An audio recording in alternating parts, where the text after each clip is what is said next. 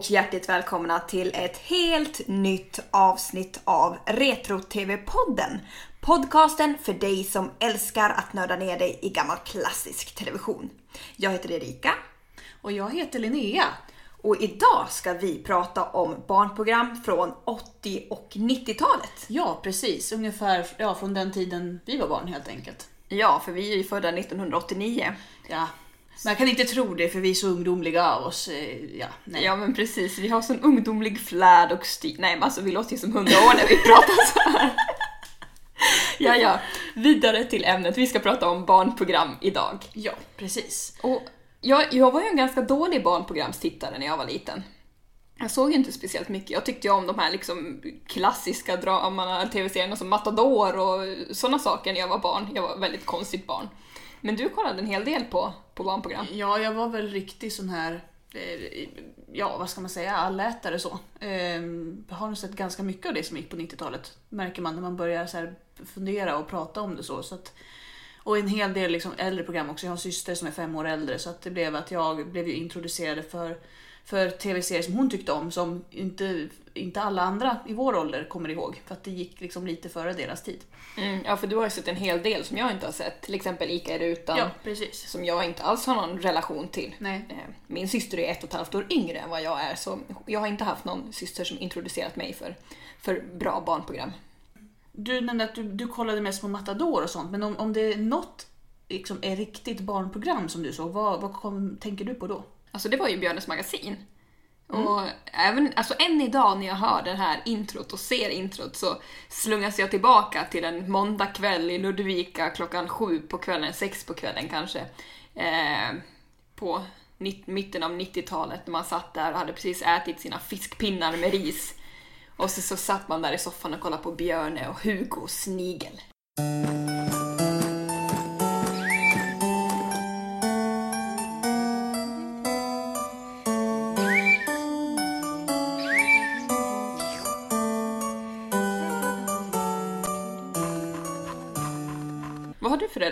Björne? Jo, nej, men det var ju också ett sånt, ett, precis som du säger, ett riktigt sånt favoritprogram.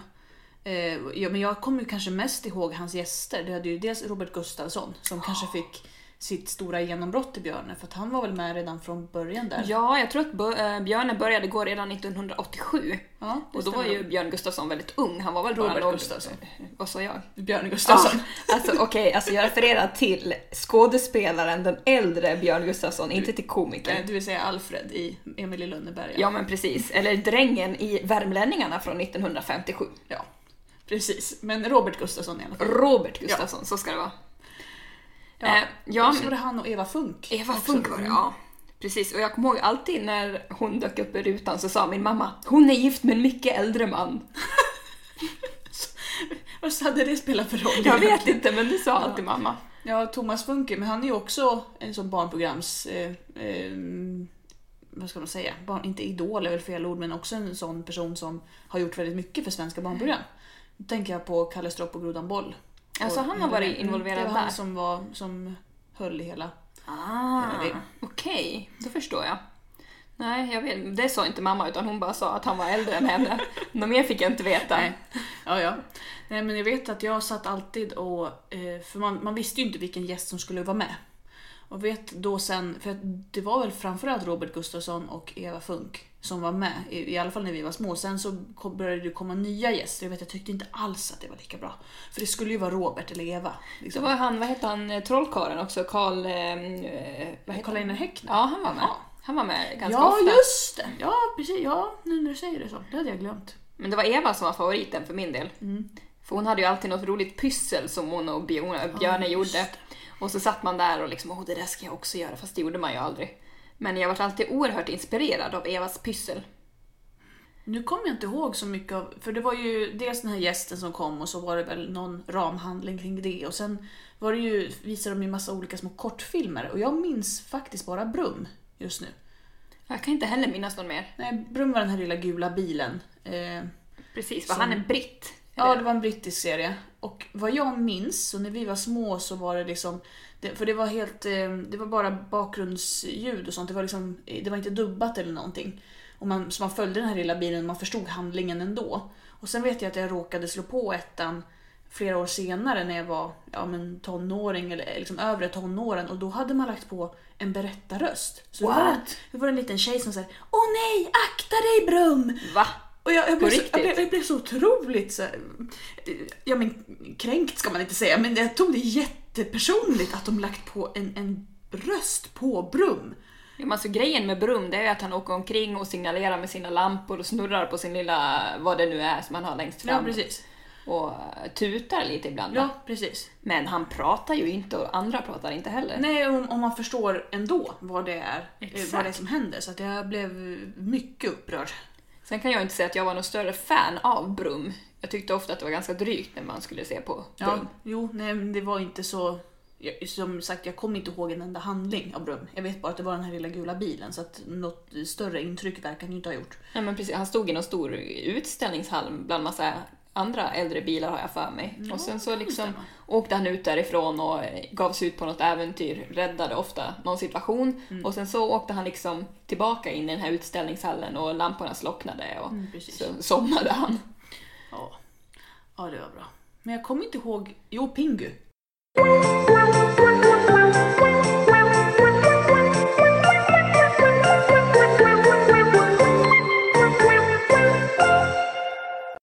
Måste jag vara med Björne va?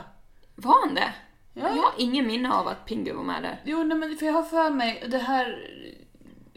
Ja, nej, men jag har för mig att jag har sett eller läst någon intervju med Robert Gustafsson. Där han säger att ett av hans här stoltaste ögonblick, liksom så här, av hans liksom, arv som han lämnade efter sig, det är att han förde Pingu till Sverige. Aha. För att det var han som föreslog att de skulle visa Pingu och jag tänker mig att det borde ha varit i kontexten i Björnes magasin. Säkert, Eh, säkert. Men det här kan ju kanske vara eh, en eh, hopkokt historia av min hjärna, men jag har för mig att, att det, har, det hör ihop med det. Alltså jag tycker det är så svårt att, att avgöra just Pingu, för min första kontakt med Pingu kom via eh, VHS. För att min mamma hade en väninna som bodde nere i Schweiz och där kom Pingu mycket tidigare. Ja. Och så fick vi de filmerna på VHS och jag började kolla på det redan liksom 91-92 när jag var väldigt, väldigt liten. Ja, ja. Så jag kan inte avgöra om det gick i Björne Nej, eller inte, för jag blandar ihop det. Alltså en annan riktig klassiker som visserligen är från 80-talet, men som gick mycket på 90-talet, det var ju Rädda Joppe.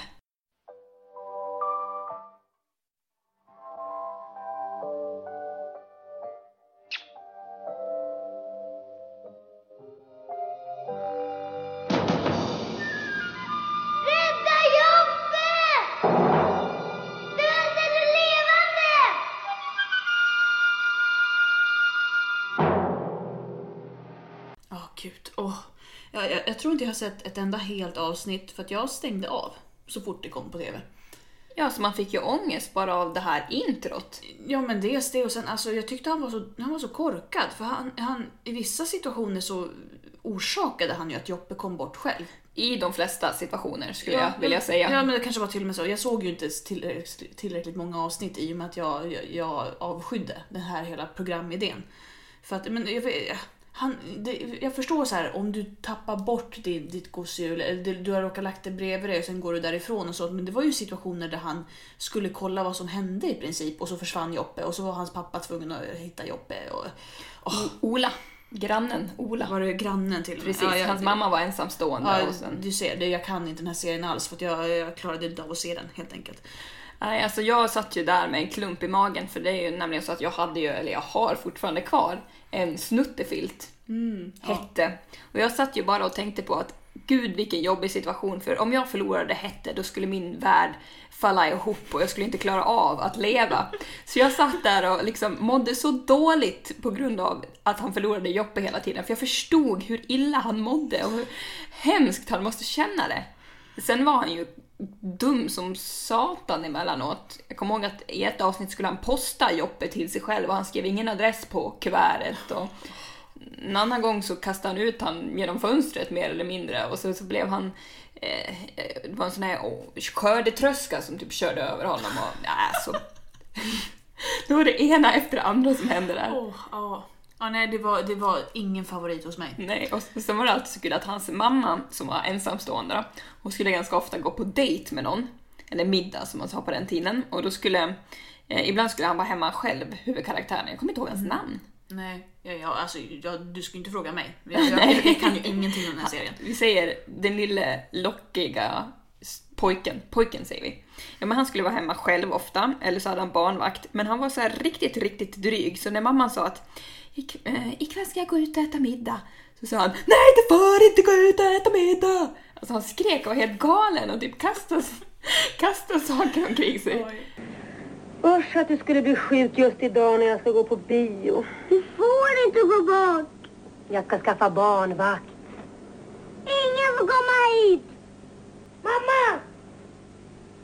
Kommer inte posten snart? Men det blev ju så att det var ju mamman och Ola till slut, givetvis. Ja, ja, såklart. Mm, Du kan ju inte bygga upp det med, med liksom en ensamstående mamma och så den här snälla grannen som alltid räddar Joppe. eh, Utan att, att det blir en payoff i slutet. Det, Ja, nej, precis. det hade varit konstigt. Ja, ja. I alla fall visserligen. 80-talsserier, det hade varit väldigt, väldigt konstigt. Ja, det hade det. Eh, På tal om 80-talsserier, så en sån som Eh, gick på 80-talet men som måste ha gått i repris tidigt 90 någon gång, eh, det är Ica i rutan. Och det är en sån där serie som, eh, som min syster visade för mig, för hon tyckte jättemycket om den och jag tyckte också om den. Eh, men jag vet att det var en sån här vattendelare, att man antingen tyckte jättemycket om den eller så var man livrädd för den här. Och framförallt kanske för introt, för introt är ju väldigt så här knepigt. Så. Eh, men det var länge som jag inte kom ihåg någonting av det. här, Förutom att jag visste att jag, jag tyckte jättemycket om det, introt var jättebra. Och det är någon, något sånt där klipp hon har på sin så här, eh, en dräkt med ett skelett på. Så dansar hon och så ser det ut som att det är ett skelett som dansar. Hon hade ju ett skelett med, skelettet Åke. Som var med. Och sen nu senare så har jag sett de här programmen i vuxen ålder och de är, det är ju väldigt, väldigt roligt. Alltså hon är ju väldigt, väldigt duktig, Ika Nord, som, som har huvudrollen. Och det, det är något avsnitt, hon har, hon har en pirathatt på sig och när, när hon får på sig den så blir hon stygg. Och så börjar hon göra stygga saker. Så att, hon vill ju inte bli stygg, hon vill ju vara snäll. Så då har hon gått på restaurang och har beställt in, eller hon är på en vegetarisk restaurang för snälla flickor äter inte kött. Och så Oj. när hon sitter där så ska hon då lägga ifrån sig den här hatten, den här hatten på en egen vilja. Så hon för- liksom kämpar emot för att inte sätta hatten på huvudet. Hon vill ju inte vara stygg. Och så får hon den på huvudet så bara aha! Och så ser man hela hennes ansiktsuttryck ändra sig. Och så börjar hon, eh, så tar hon tag för hon har fått in en, en, en tallrik med pasta, alltså bara spaghetti. Ingen sås, bara spaghetti. Och så man får inte leka med maten. Och så börjar hon kasta den här pastan på väggen och allting. Och helt plötsligt hittar hon en fogsvans och sätter sig på bordet och börjar såga i bordet. Och det, är herregud. väldigt, väldigt roligt. För att det är så här förbjudet. Du får ju inte göra det här. Så det, det är ju roligt även att titta på som vuxen, tycker jag. Ja, jag kan tänka mig att det är, är kul. Eh, sen så, jag har ett svagt, svagt minne av att min mamma igen har sagt att jag inte var någon vidare fan av ICA utan att jag var en av de här som tyckte att det var läskigt. Eh, det är samma som, på tal om läskigt, Skrotnisse. Ja men. Hur läskigt var Ah. inte det? Nej men det är, ja, det är helt fruktansvärt. Jag, eh, oh. Min mamma, jag refererar bara till min mamma i det här avsnittet för jag har inte själv så goda minnen av när jag var sådär två, tre år. Eh, Men hon sa att varje gång som Skrotnisse dök upp i TVn, då kastade jag mig ner i soffan och borrade ner ansiktet i kuddarna för att slippa se. Ja det förstår jag. Nej men det är ju fortfarande obehagligt att titta på idag. Ja. Alltså, så här, och, och framförallt om man ser det och ser det genom ett barns ögon så är det ju väldigt obehagligt. Men alltså jag tycker det är obehagligt genom en vuxen människas ögon också. De här fruktansvärt läskiga dockorna och allting är lite smutsigt och de låter halvt deprimerade allihopa. Och den här eremiten som är jättemärklig. Jag vet, jag kommer så väl ihåg en repli, replik. För jag tror att Skrotnisse gick i repris någon gång i slutet av 90-talet eller kanske tidigt 2000-tal. Och då kommer jag ihåg att det kommer Bertil. Ja. Det var ju typ så de pratade Mm, allihopa. det stämmer. Det kommer Bertil. Man bara, Ja. Men en, en annan sån, när vi ändå är inne i serier som var en vattendelare så, så är det ju Simpor och grodfötter. Ja. som gick på 90-talet som också var så här. Det är en jättekonstig idé. Jag, vet fattar inte. inte. ens vad, det, vad de ska vara för någonting. Nej men de är någon slags träskmänniskor kan man väl säga. Ja. Alltså de är simpor ja, men jag. precis. Eh, som, ja, är det så att deras träsk blir torrlagt? Så att de måste flytta in till den här förorten, till det här lägenhetshuset. Säkert. Eh, och, och så vet jag att dottern förvandlas till människa nere i, i tvättstugan. Ja, För hon, just träff, hon har ju stött på en, en, en människa, en kille, och så vill hon bli människa. Jag vet inte hur det går till. Just det, vad hette hon? Hette hon Simpa? Ja, Eller något så- sånt ja, där. något åt det hållet. Eh, och så har hon en bror också. Och så är det då föräldrarna som spelas av, av eh, Mona Malm och eh, Nils Moritz. är det? Just det, just det. Jätteroligt! Bara den casten. Alltså, Ja, ja, ja, men, ja men det är helt sinnes... Alltså, och framförallt för mig ju Nils Moritz, det är ju så här herr Omar i Ture Sventon. Ja. Och då från den rollen till rollen som pappan i Simpor och grodfötter. Ja men det är ju samma som Mona Malm, tänker Ja. man liksom på min favoritfilm Fanny Alexander, så Ja, från Alma Ekdal till mamma, Simpa, vad det nu är för något. mamma Träsktroll. ja, jag kom, men den kommer ihåg att jag verkligen gillade. Mm, jo men den, eh, den har jag också sett så här i efterhand. För det är så mycket de här minnena av att eh, när man var liten, vilka saker som var bra och så. Och sen ser man i efterhand så inser man att jaha, det var det här som var handlingen egentligen. För man har så här fragment av handlingen. Och jag har för mig att jag sett det här bitar som vuxen och tycker fortfarande att ja, men det är rätt häftig idé. Hade det något sorts miljöbudskap, tro? Jag tänker liksom att det här mm, träsket är torrlagt och han måste flytta in till förorten. Undrar om det fanns någonting sånt i den här handlingen? Ja, jag tror det. För att eh, det måste ju nästan ha varit något sånt som har drivit på det. Ja, det måste ju ha funnits något underliggande budskap, tänkte Ja. jag mig. Ehm, men det är inte säkert, men Nej. det borde vara så. Sen blev det ju en liten Romeo och Julia-handling där med dottern för att föräldrarna ville ju inte att hon skulle bli människa och liksom hej och hå. Jag tror de har, just det, jag tror det är i första, något av avsnittet så går de runt och så ska hon dekorera den här lägenheten. Det är uppenbarligen så här eh, skyskrapa eller så här betongklump ute i, i, i förorten någonstans. Miljonprogram. Ja. Men och så ska då Mona Malm gå runt och så ska hon så här, då har hon hängt upp lite fisknät och sånt för att det ska bli lite hemtrevligt och så det är alldeles för torrt överallt. Papp, jag tror papp, pappan eh, kommenterar hela tiden hur, torrt det är överallt. Det måste bli lite blötare och så. Det är väldigt, väldigt underhållande. Men har de inte typ fisknät på Jo, sig också? jo. Så här, krusat hår och Ja, fisknät. och tång i håret och sånt Ja, just också. det. Så det, ja, det är väldigt härligt och det är, det är så här, jag undrar var den idén kommer ifrån. För att det, det känns som så här, ja men det här skriver vi om. Fa- Liksom, fanns det en förlag eller var det någon manusförfattare på SVT som bara det här vill jag skriva om? Ingen aning. I, ibland undrar jag över många av SVTs produktioner, att hur kom man på det här? Ja, jo. Men jag kommer ihåg att det, det hade en väldigt stor påverkan på mig där, Simpor och grodfötter, för att eh, i sommarstugan nere i Skåne, där hade vi ett gammalt utehus som nu inte finns kvar, men där på en av väggarna så skrev jag med stora bokstäver Simpor och grodfötter och så gjorde jag en pil uppåt. Så att om man gick upp för trappen tänkte jag då skulle man komma in i den här Ah, lägenheten. Så jag försökte ju lura alla mina kompisar där nere att om ni går upp där så kommer ni in i Simpor och grodfötter lägenheten. Det var där de spelade in det. Men det var ingen som gick på det. Ja, nej, nej, nej. Jag fattar inte, det var så smart plan. Jo, det är sant, men det, det ser inte riktigt ut som det gör. Man tänker sig att det är inspelat i förorten. Ja, Där det utspelar sig, tror jag. Förorten, landet, nej. ungefär ingen större samma sak. Ja. Eh, Men sen något annat jag tänkt på, dels det det var de här lite konstiga som var egentligen från 70-talet med Vilse i pannkakan och så. Eh, Men på 90-talet så kommer det ju många nya barnprogram som ska vara lärorika och, och informativa och liksom lära barnen saker. Mm. Eh, Och då tänker jag till exempel på Teppas. Just det, Teppas.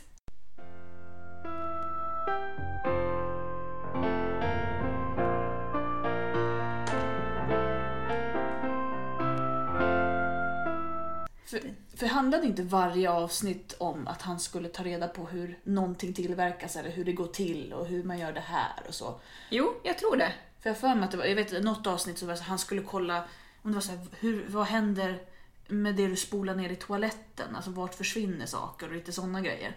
Just det. Jag kommer ihåg att jag tyckte att det var jättetråkigt, Teppas. Ja, jag, tror jag, jag, jag har för mig att jag gillade det. Alltså, jag kan inte, jag kan inte komma på att jag tyckte att det var dåligt. Men jag har ju starkast minnen av eh, den här krokodilen som han alltid drog upp i slutet av varje avsnitt som sen satt och rodde. Jag tror han rodde runt i en sån här fiskskål. Ja, med ankan. Ja, ja precis. Just det, den röda ankan, Anki eller vad, vad det nu hette. Anki och Krokus. Krokus, Krokus ja. tror jag Just krokodilen det. hette.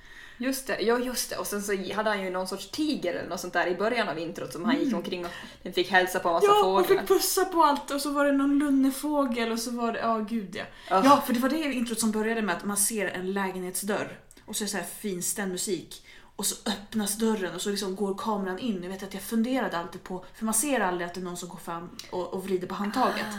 Utan dörren öppnas bara och det var så magiskt liksom. Hur Men går det här till? det. Det var som i Småstjärnorna när en person som bara ah, “Jag ska vara Carola” och så gick den in genom en dörr och så kom den ut liksom en sekund senare som Carola. Carola. Det, det var ju jättehäftigt. Bara, hur gick det Ja men till? precis. Hur i hela friden? Om Om man, på tal om småstjärnorna, så att du också så här när det kom någon där så hade man så här, åh vilka kläder ska den personen ta? Bland alla de här kläderna så skulle de ju välja ut sin outfit. just det! Jo men det var man ju jättenyfiken Mm. på.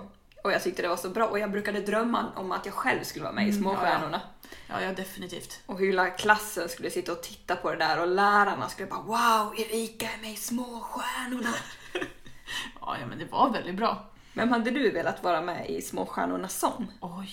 ehm, ja, alltså om man tänker då, jag vet inte riktigt.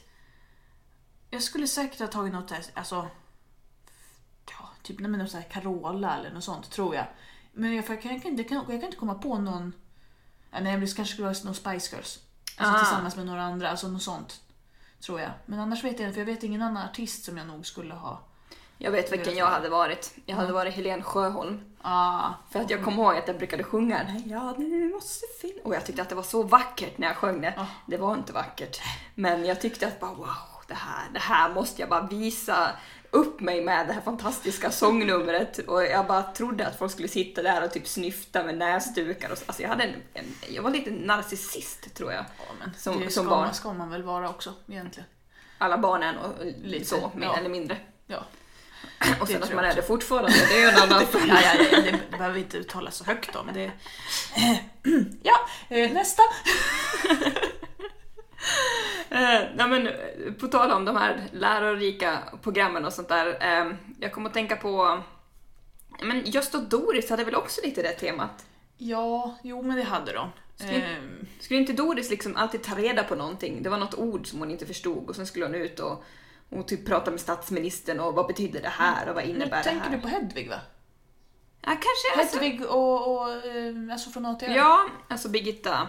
ja och, Andersson. Och, eh, mm, Eh, Bert-Åke Varg ja. som, som Ugglan Helge va? precis. För Ja. Doris och Gösta var väl, men det var nog liknande. Men jag tror att Gösta, den här gräv, du tänker på den med grävlingen och Ja. ko. Jag får mig att Gösta var så här, ja men det ska gå, man går, det går till så här. Och så var Doris tvungen att så här kontrollera. Aha.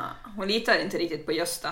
Ja, jag vet Eller skulle hon motbevisa Gösta? Ja, så kan det vara. Alltså, jag, jag, det var någon liten upphottad version av Från A till Ö, tror jag. Ja, för hon åkte ju omkring på en Vespa har jag för mig. Ja, och Hedvig ja, cyklar ju omkring på en exakt, sån här ja. gammal postcykel. Ja, precis. Jo, men och, och det har ju det för att i, i Doris Gösta så vet jag att det var väl där eh, Doris dansade med, eh, Med Göran med Persson. Göran Persson. Ja. Och det finns ett avsnitt av Från A till Ö då jag tror att det om det är demokrati eller något sånt. Men, men Hedvig träffar Olof Palme. Just det. Ehm, så att det är nog en parallell där att 20 år senare ungefär så gör man en, ehm, en ny version för den nya generationen. Då. Just det. Men det jag min- mest minns av Doris och Gösta, det var på slutet när Doris alltid skulle uppträda. Först hade hon nog, om det var hon som hade korsord eller om det var Gösta som hade ett korsord i någon sorts grej de fällde ut från väggen. Just. Eh, och så var det så här vågrätt och lodrätt och Doris var alltid “men vad är vågrätt och vad är lodrätt?” Jaha. och blandade alltid ihop det. Och sen så skulle Doris alltid uppträda på slutet med någon sång Mm. och en rosa boa. Och sen sa Gösta alltid da capo, da Ja, capo. just. Och Doris, vad betyder det? En gång till, en gång till. Och det där hände ju liksom varje gång. Så det är det jag minns mest, just Mm. Ja. Doris uppträdande och det här da capo. Man kan aldrig veta. Bravo! Bravo! Da capo! Eh, vad var det det betydde nu igen? En gång till, från början. Ja, just det. En, två, en, två, tre, fyra. Du kan tro, må du tro att han är grävling eller ko, vet du vad? Och där var man ju nästan lite på gränsen för att bli lite gammal. eller Att man själv tyckte att man var lite gammal för att kolla på barnprogram. Så, Ja, kan vi ha varit en sån där 11-12 ja, år jag tror någonting? det. Så att eh, det var man, i alla fall utåt sett så hade man inte kollat på något av de här. Nej, precis. Så jag, jag minns inte så mycket av Doris och Gösta. Men, eller som just Dansen med Göran Persson är ju sån klassiker. Så att, Precis, och den vet inte jag om jag såg faktiskt när det gick eller om det är att jag sett det i efterhand. nej, så kan det ju vara. Ehm, det är svårt att säga. Man blandar ju lätt ihop sånt som man har sett liksom några år Ja. senare med när det gick. Svårt att hålla isär. Eh, ja, för lite andra sådana här program som gick, det var ju liksom Järnkontoret. Åh, det var så ju. bra. Ja, det var jättebra var det. För det var liksom... Ja, jag vet inte, alltså just det här att det var på en bra nivå. Det var fortfarande som man fick lära sig någonting. Det var eh, om man tog barn på allvar. Jag gillade det, för jag tyckte jättemycket om Lilla Aktuellt också och eh, Lilla Sportspegeln och sånt. För Ja. det, var, det var fortfarande så journalistik och så med saker som intresserar barn och på en nivå som barn förstår utan att så här, Åh, nu ska vi berätta för dig hur det här går till. Utan man fick liksom följa med själv på något sätt. Precis, de hade en respekt för barn och litade på att barn eh, kunde ta till Ja. sig saker och tänka själva och vara intresserade. Precis. Eh, Järnkontoret tyckte jag också var väldigt bra för de uppmuntrade mycket till frågor. Eh, var inte typ deras slogan var frågvis? Jo, jo det stämmer precis. Ja, jag tyckte det var... Ja, ja, ja, ja. Jag kommer ihåg också att de gav ut böcker. För jag hade två stycken Järnkontoret böcker. Och de var jättebra för det var massa så här, ja men hur det gick eh, till när man tog fram första penicillinet eller vaccinet och eh, hur man liksom bygger en egen liten eh, odlingslåda och det var fullt med sådana där små grejer. Ja, okej. Och jag vet att jag faktiskt lärde mig massa saker i de där böckerna som jag sen hade användning för, till exempel på högstadiet. ja, ja. Mm. Så att de, de var ju matnyttiga de där böckerna. ja verkligen. Jag sålde dem faktiskt på loppis för typ två år sedan. Jaha. Jag hade dem kvar så länge. Och det var folk som köpte dem. Det Mm. var väl typ de som var något äldre än oss, eh, 35-40, som har barn som var en 5-6 Mm. år. Eh, som köpte det till sina barn. För de kommer väl ihåg järnkontoret de ja, också. Jo, så är det ju säkert. Men på tal om Lilla Sportspegeln. Mm. Det gick väl måndagkvällar? Ja, det tror jag. Jag har starkt för mig det. Allt gick på måndagkvällar. men, men ja, det, det stämmer nog. Ja, men typ måndagar klockan sju.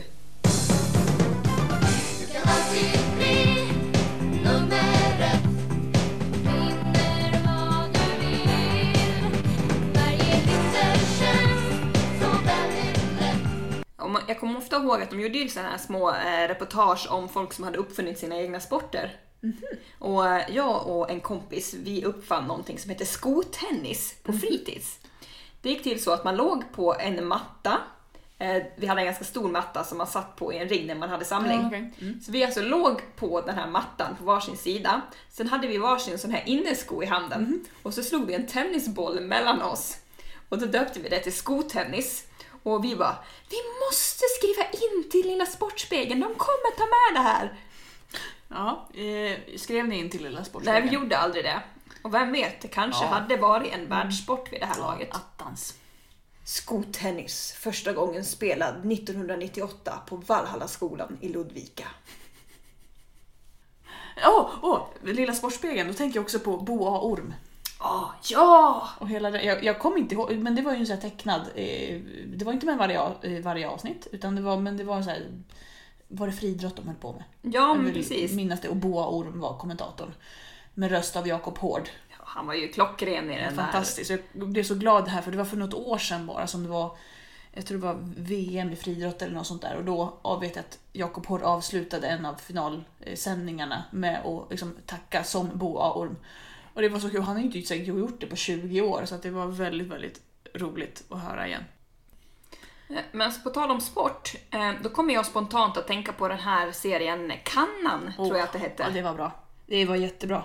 Man var, alltså, man var så investerad i det, jag satt och kollade på det det var, det var jättespännande. Men det var väl typ så här, två stycken skolklasser, eh, kan de ha varit en sådär 12 år kanske, ja, som ja, möttes max, ja. i en borg och utförde diverse olika aktiviteter. Mm, jo, och så var de, jag tror de var fyra i varje lag. Och så var det, men det var det som var så häftigt för att de hade liksom, dels var det vanliga aktiviteter, typ så här kasta ring, alltså mer normala. Och så hade de jättemycket så här dataanimering också. Där de skulle göra saker eller springa och, och det tror jag var så här prickar de skulle liksom röra vid så skulle de sluta blinka och eh, röra på någonting så skulle man åka uppåt eller neråt och sådana saker. Just det, och så, det som, jag, som verkligen har fastnat i mitt minne, det var när de skulle liksom eh, pricka ord på något vis. De stod så här och sen så... Ja, och så det föll ner från, från Himlen på något vis. sätt. Ja. Och så sa, skrek liksom eh, klasskamraterna ost och så skulle man pricka osten. Och, Ja, precis. och det där tyckte jag var så häftigt och jag undrade alltid hur de gjorde. Och så tänkte jag också, liksom, hur skulle det gå för en själv om man var med? Och Precis. Man trodde ju givetvis att man skulle ta liksom varenda en. Ja, ja, Eh, absolut. för att det såg så enkelt ut, men det var säkert supersvårt. Ja, ja, för att då måste jag ha stått mot typ en green screen och sett på en liten skärm framför sig vart saker kom någonstans, antar jag. Eh, jag tänker mig att det fungerar på liknande sätt som eh, väderleksrapporter med meteorologerna. För då står de ju framför en blå eller grön skärm och så får de se på sidan av var det är de ska peka någonstans. Det var säkert så. Tidig VR. Ja, Grej. ja precis, om man får kalla det så. Men ja, eh, man tyckte det var jättehäftiga animeringar när man var liten. Det var verkligen superhäftigt. Men jag kollade ju på något sånt där avsnitt, eh, ja men något klipp bara häromdagen för att liksom färska upp minnet.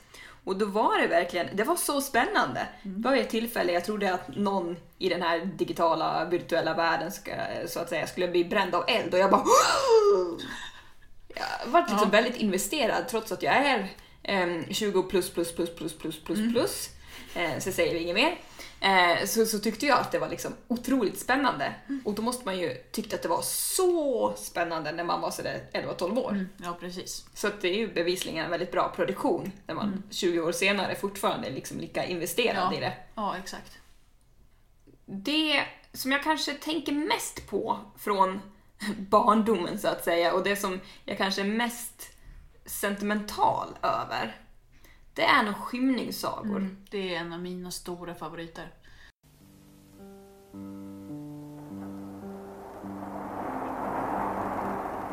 Eh,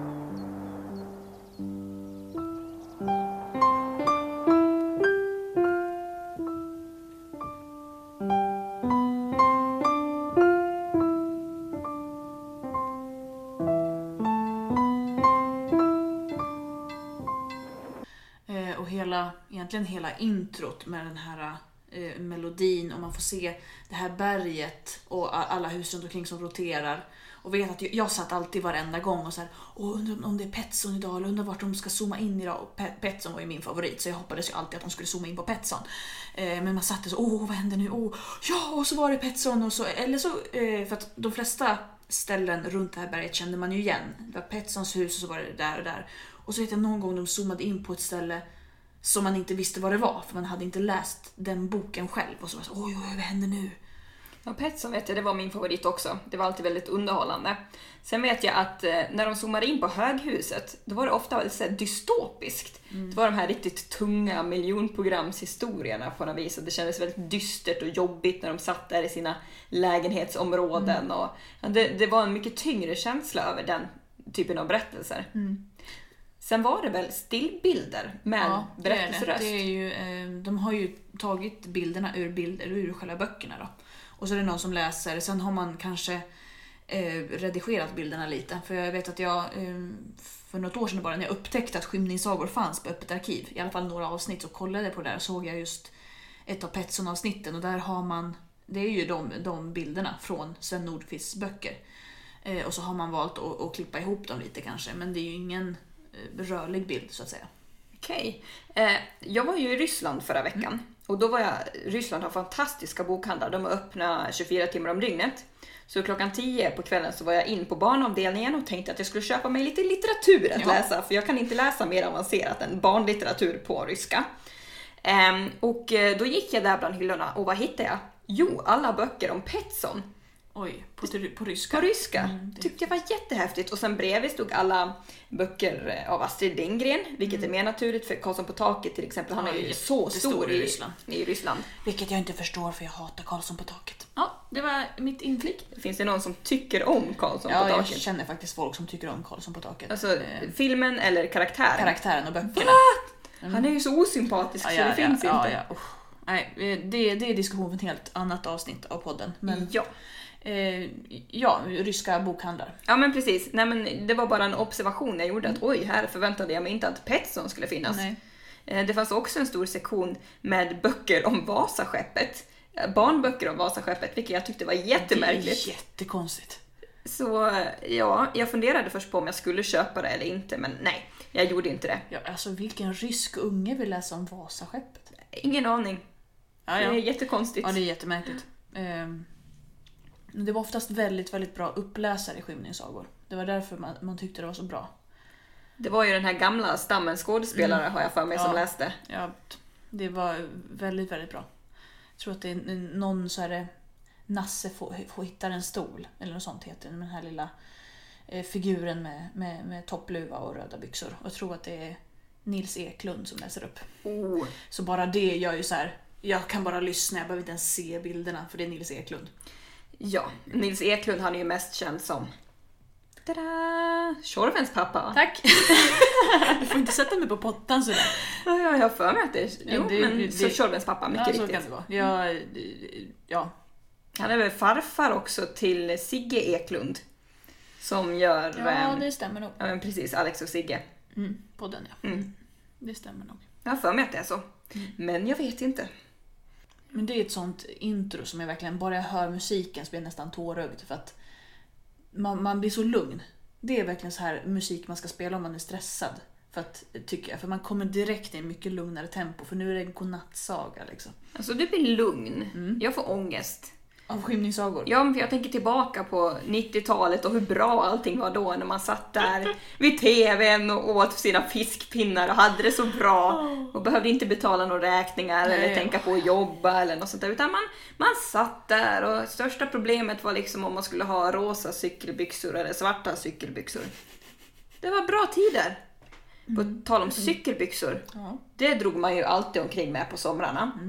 Och då, på somrarna, då tittade man ju på hike. Mm, jo. Ah, alltså, det är sommar på 90-talet för mig. Det är som sagt cykelbyxor, det är sol, det är Skåne, det är OS i Atlanta 1996 Ja, och det är hike. Det är 90-talet, somrarna på 90-talet för mig. Ja. Och jag tycker, jag tycker hela, hela det outrot var det väl, den här Sommar och sol. Mm, med Eh, Sven-Ingvars. Med Sven-Ingvars. Eh, bara det skriker ju sommar. Alltså, eh, och det är fortfarande så när man hör den låten som är så här, ja men det är sån skön stämning. Det är också ytterligare ett sånt intro, eller outro, som man, man försätts i en helt annan känsla av att höra. Precis. Du blir glad för en mjuk känsla, jag Ja. får ångest igen. Chip.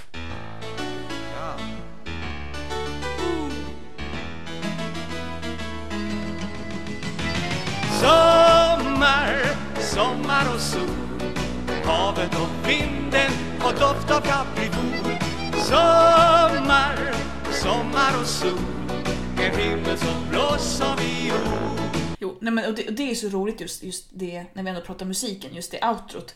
För man missar som att åh, då, stod de där och spelade och så var det en massa ungar som lekte och hade jättekul. Och så ser man det som vuxen nu och så är det så här, det är några som har jätte, jättekul och de står verkligen och rockar i bakgrunden. Och sen är det en massa barn som uppenbarligen har blivit ditkommenderade. Det är, jag, tror, det, jag tror det är två pojkar som de står bara en meter ifrån varandra och kastar en liten boll mellan sig. För de har väl fått instruktioner att men se ut som ni har kul, att ni leker, att, att det är en sån här sommardag. Det är, liksom, det är roligt, ni spelar fotboll. Men de har liksom inget utrymme att göra det på så de kastar den här bollen lite lojt. Och så är det en tjej som står där, hon ser visserligen ut att ha ganska kul, hon står och diggar med. Men hon står med en rockring bara att hon har ingen space för att stå, liksom, rocka den här rockringen, så hon står bara och håller i den. Och så det, det ser så sorgligt ut. Och sen är det massa andra barn som också sitter ner och verkar så här, är det inte slut snart? Vilket gör att man märker att eh, producenterna zoomar in på den här grabben som verkligen tycker att det är asroligt, som står och rockar hur mycket som helst. Väldigt många gånger, för att de andra barnen levererar inte. Helt enkelt. Nej, det är inte som i Åsa-Nisse när det här sommarbarnet ska tacka farbror eh, eh, Nisse på sitt eget lilla sätt. Och då så börjar hon och hela staden rocka rockring och så sjunger de en fin sång till. Så nu ska jag be att få säga tack på mitt eget lilla vis och be farbror Nisse och alla de andra ringrocka och hula-rocka med mig. Men hörru, hula hopp, ja vad är det för något? Jo, det ska ni få se.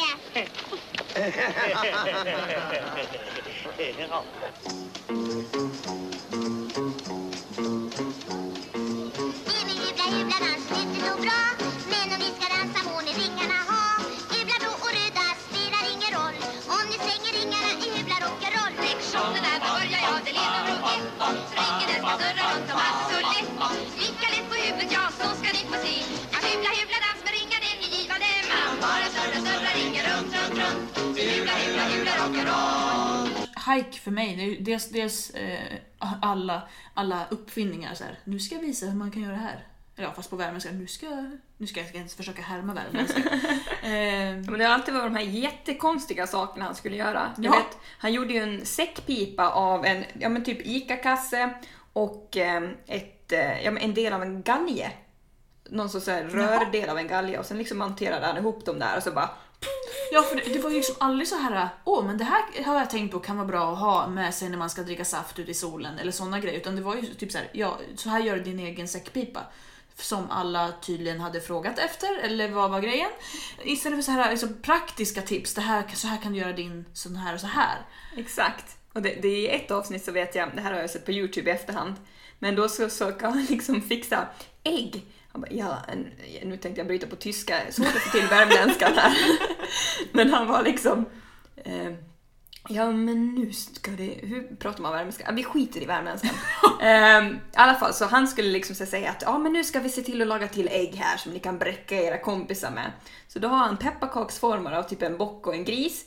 Så knäcker han ägget i de här pepparkaksformarna. Och så har han karamellfärg på. Och så steker han de här äggen. Och, och så grejen är att de är liksom inte alls klara när han langar upp dem på smörgåsarna utan de rinner. Och sen måste han i och peta med fingrarna och han säger det att ja, det gör ingenting om man är lite smutsig om fingrarna, det är bara en själv som ska äta dem. Eh, och sen använder han lingon för att göra ögon på de här. Men fy fan. Alltså det är Nej. jättecharmigt. Åh, jag får... Jag älskar det. Ja, jag klarar inte av Det är fantastiskt. Jag klarar inte av... Varför ska man få tips på hur man ska göra saker om det ändå inte blir bra och det inte finns någon funktion? Och det, det roliga är att han säger verkligen att nu ska jag ge tips om några smörgåsar som ni kan bräcka kompisarna med. För jag menar, vem tävlar i smörgåsar? Oh, idag har jag den snyggaste smörgåsen. Ja, Kolla en gris med röd karamellfärg och lingonöga. Vad har du? Åh, det är så dåligt. Det är jätteroligt. Och det andra jag minns av Hike, det är Goliat. Oh. Men jag minns inte, jag, jag minns bara, för jag minns också bara bitar av introt. Eh, Så ja, det här avsnittet handlar om väldigt många serier som jag minns att jag sett introt på men sen inte minns handlingen. Så att eh, jag var väl kanske inte alls så där jätteaktiv barnprogramstittare som du försökte påstå i början. Kanske är så. Men jag kommer ihåg att Goliat, han sprang omkring, han var en sorts stenålderspojke. Ja, ja. Och han sprang omkring med en liten träyxa eller hammare i handen har jag för mig. Hade han en boomerang också? Hade han det? Jag vet inte, det var någonting som dök upp i mitt huvud. Han kanske använde en sån i ett avsnitt och det är det enda jag kommer ihåg. Mycket möjligt. Men det är så uppenbart att den serien var ju mycket äldre också. Ja, den var väl från mitten av Ja, 70-talet. något sånt. Det syns väldigt tydligt på animeringen och allt runt omkring. Och en till serie som måste ha varit från 70-talet, det är ju den här, vad heter det, Sagostunden. Ja, bra. Åh, så bra. Alltså, och det är sån, också så här intro. Och jag har ingen aning vad som hände efteråt. Nej. Jag minns bara det här tecknade introt med den här kappsäcken och så är det eh, eh, någon liten figur som kommer upp och lägger ut en matta och så är det massa andra och så är det någon, någon i någon jäkla drakdräkt som sätter sig ner en liten flicka med klubba tror jag är. Och så har det, under tiden så har det varit något slags mullvadsdjur också som har tagit sig upp ur den där kappsäcken och han har försvunnit iväg och när han kommer tillbaka så har de flugit iväg på den här mattan och så sätter han sig i kappsäcken och så börjar kappsäcken flyga iväg också. Just Eh, det. Och det måste vara Per Olin som har animerat. Det kan inte vara någon annan. Det Nej. ser ju väldigt mycket ut som hans Ja, stil. dels vilka andra finns det som, kun, som hade så hög klass på animation i Sverige på den tiden? Och vilk, vem skulle våga göra det så likt Per Olin? Och, och alltså, nej det måste vara Per Olin. Ja, kan inte vara någon annan. Vi får kolla upp det. Ja. Eh, nej men jag, jag tänker mig att det måste varit så att efter det här introt, så, i och med att det hette Sagostunden, så det måste ha varit någon som satt och läste en bok. Ja men precis, antingen att det är någon som, som du säger sitter och läser en bok eller om det är samma koncept som i skymningssagor, att man får se bilder och sen en berättelse över. Men som sagt, jag har inget minne och du verkar inte heller ha Nej, något nej. minne av det. Nej, för det är ju bara låten. Det är samma sak, eh, en annan sån låt som har fastnat, det är eh, eh, Lennart Hellsings ABC. Ajöken, adjö, ajöken, adjö. Vad kommer däremellan? Vad kommer däremellan? Och så var det så här, ett tåg. Med, liksom, och, och, och, A var liksom huvudet och så var Ö längst bak. Och så var det ju alla Lennart Hellsings ABC-ramsor. Så här, eh, agare, bagare, kopparslagare. Snällt är det inte att slå en svagare. Och så hela, alla dem. Alltså, grejen är ju den att Lennart Hellsings, ehm, ja, men han, han var ju genial liksom. Ja, ja. Men som barn uppskattar jag det inte alls. Nej, nej. Alltså, man, men man förstod ju inte. Nej. Alltså, Så egentligen känns det som att det är ett program egentligen mer riktat, eller ett konstnärskap mer riktat mot vuxna. Fast det är för barn. För Mm, så kan att det som barn, jag, jag kunde inte ta till mig konceptet och inte det underfundiga i det heller. jag nej, det förstod gjorde vi inte. Jag hade hela den boken med den här Helsings ABC. Och jag tyckte bilderna var jätteroliga och så. Mm. Men man förstod ju inte, precis som du säger, de underfundiga texterna uppskattar man inte. Man, man hörde ju bara att det rimmade. Ja. Och sen förstod man inget mer. Nej, Du hade väl eh, föräldrar som läste för dig också? Jag läste varenda, varenda kväll.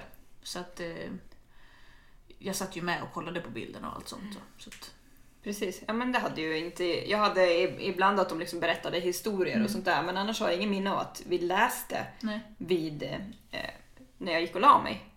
Eh, däremot så fantiserade jag en hel del själv och målade upp historier i huvudet och jag var väldigt bra fantasi när jag var liten. Ehm, men det hade ju varit trevligt att ha haft en liten lässtund varje kväll. Ja, det, det var en av höjdpunkterna på dagen skulle jag säga. Ja, det förstår jag. Hur, hur länge fortsatte ni med det här? Ganska långt upp i åldrarna. Jag kan inte säga ett visst årtal men väldigt långt. Vet jag. Så att vet, i slutet då kunde jag ju... Då läste jag ju snabbare än mamma och pappa läste. Så då blev jag nästan bara irriterad för att vi inte fortsatte. För jag hade redan läst klart sidan. Så att jag måste ju ha varit åtta, nio kanske. Okej. Vad- Misstänker jag. Jag började i och för sig lära mig läsa själv när jag var sex. För jag vet att jag, jag, jag kunde läsa när jag gick på lekis. Men jag måste ha varit, om, om jag var så pass bra så jag läste snabbare än högläsningen så borde jag ha varit en åtta kanske. Ja, säkert. Ja. säkert. Ja, när jag var också sådär sex år när jag lärde mig läsa, men det berodde inte på att jag lärde mig läsa själv, utan det berodde på att jag hade en mormor som var lärare som hade just åldrarna liksom, ja men ettan till trean, hon var småskolelärare. Så hon var ju liksom inne där och styrde upp och såg till att jag såklart. lärde mig läsa. Ja, ordning och reda. Precis. Ja. Mormor Gun. ja. Andra sådana så här, eh, program som skulle lära en sak det var ju till exempel Joel-bitar. Mm. För ta- hela tanken med det, Joel var ju en, en eh, liten grabb med down syndrom. Så att hela tanken med programmet var väl att visa att barn med down syndrom är precis som alla andra barn. Eh, Att de, de ser kanske lite annorlunda ut och gör saker på ett annorlunda sätt men de är som alla andra barn. Precis. Eh, och det är ju också ett sånt intro som har satt sig. Ja. Eh, Kommer du ihåg vad da, da, da, da, da, da. Kommer du ihåg hur det var förra vintern? Kommer du ihåg alla stjärnor och strutar?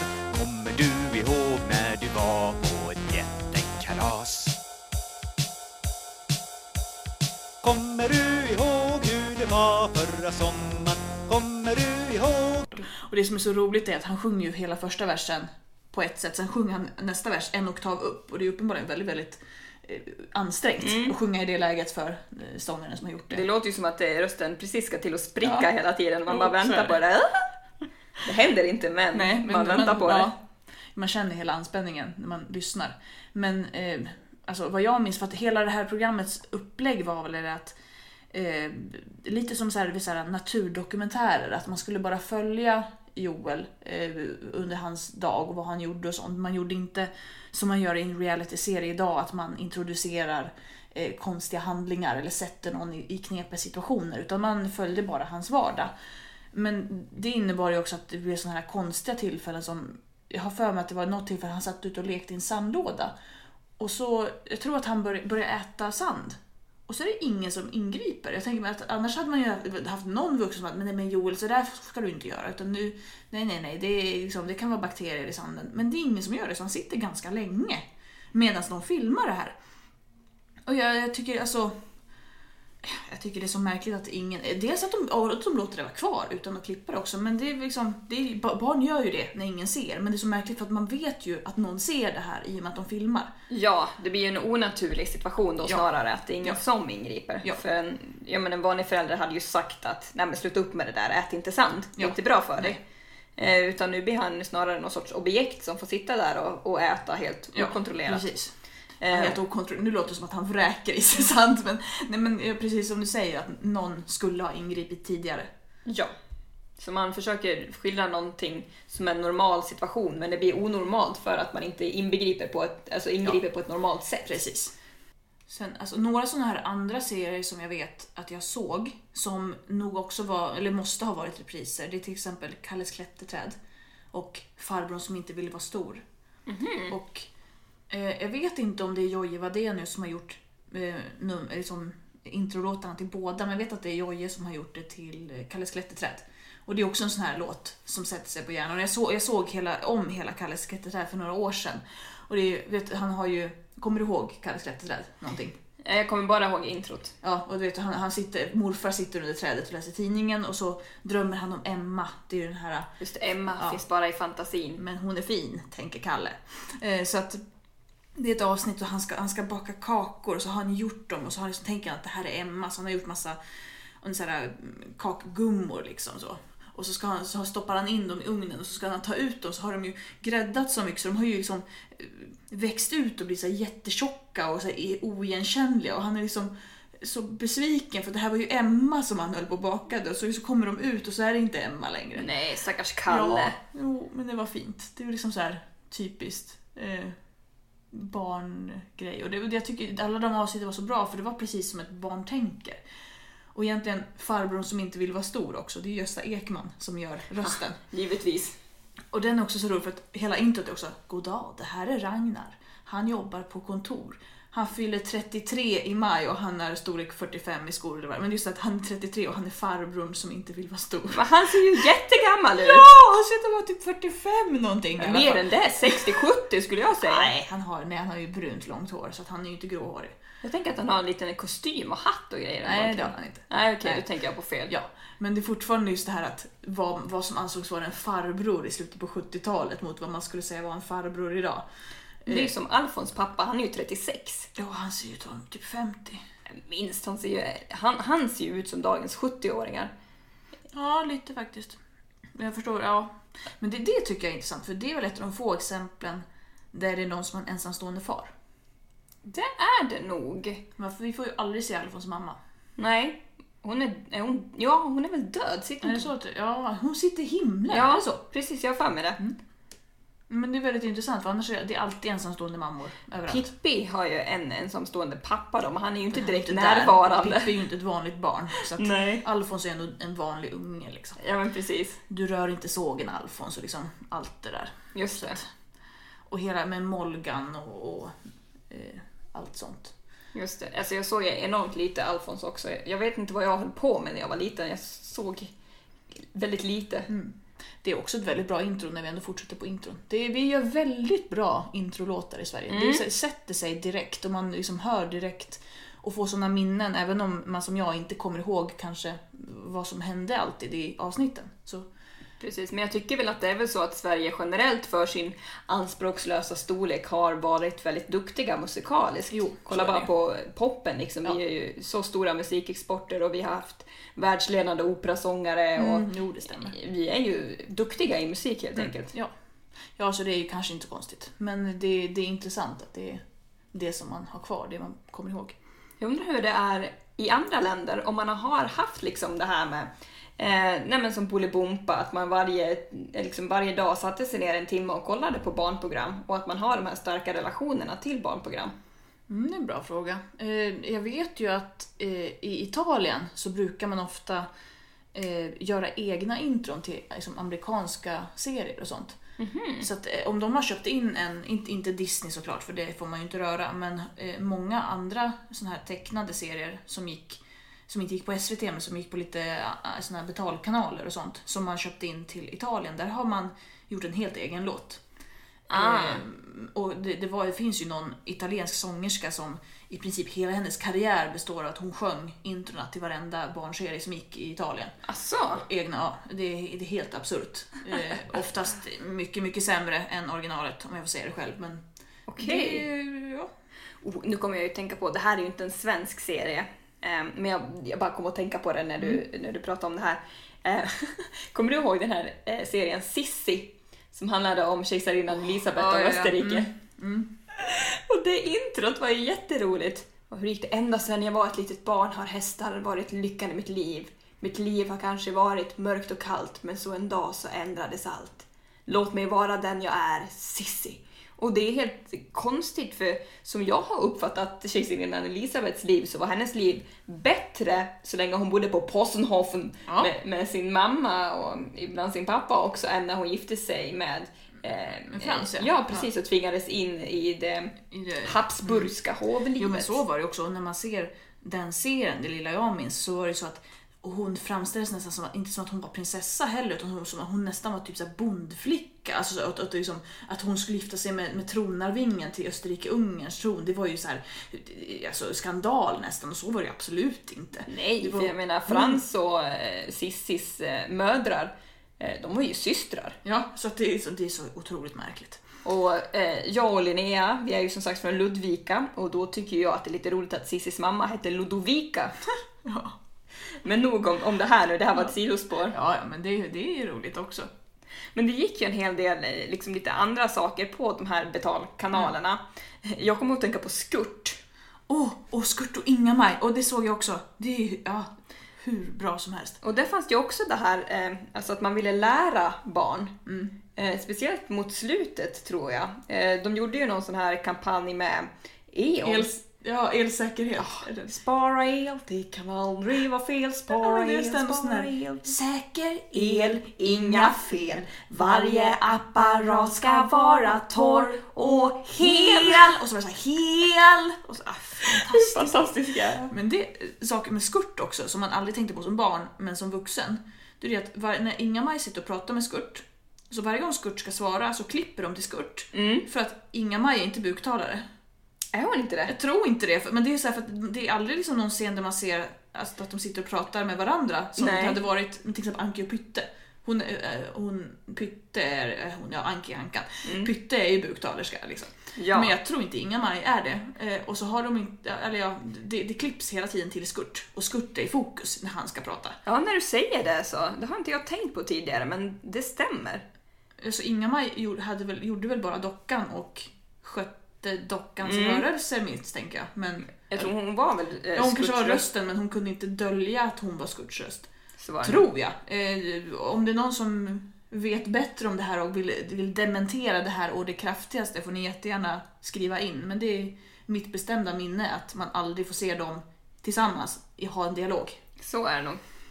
Gud, Skurt han hade en så märklig röst. Det här är Trollunge. Alltså han var jättemärklig. Ja, men- Han, han blev ju stulen. Ja, han blev stulen på, jag tror Inga-Maj var på en resa i Spanien eller något sånt. Och väskan med Skurt blev stulen från hotellrummet.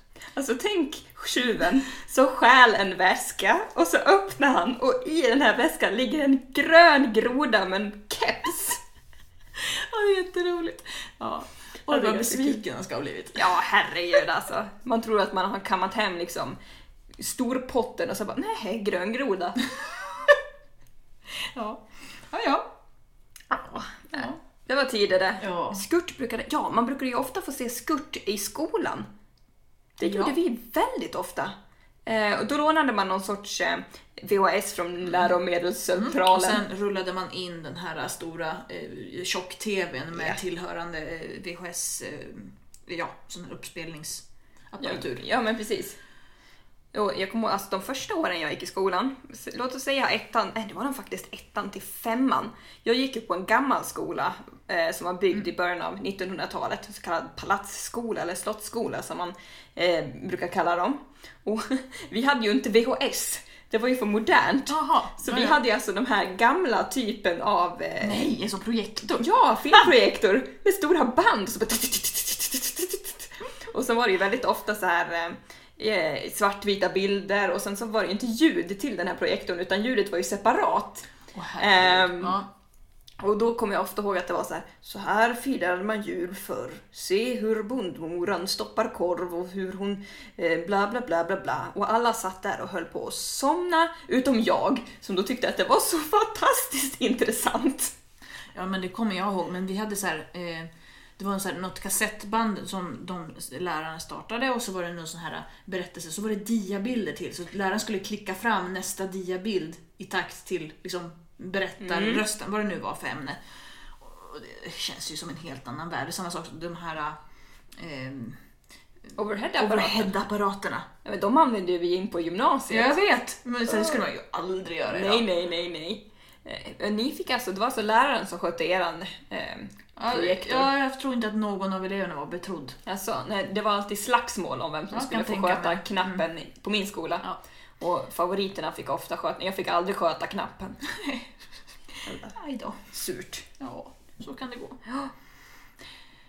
Ja, vi har nog avverkat hela vår barndom, tror jag. Ja, det har vi. I alla fall delar av den. Ja. Och det har varit väldigt roligt att diskutera det här. Det har Ja, varit som att slungas tillbaka till det där ljuva 90-talet som jag så ofta tänker tillbaka på och gläds åt.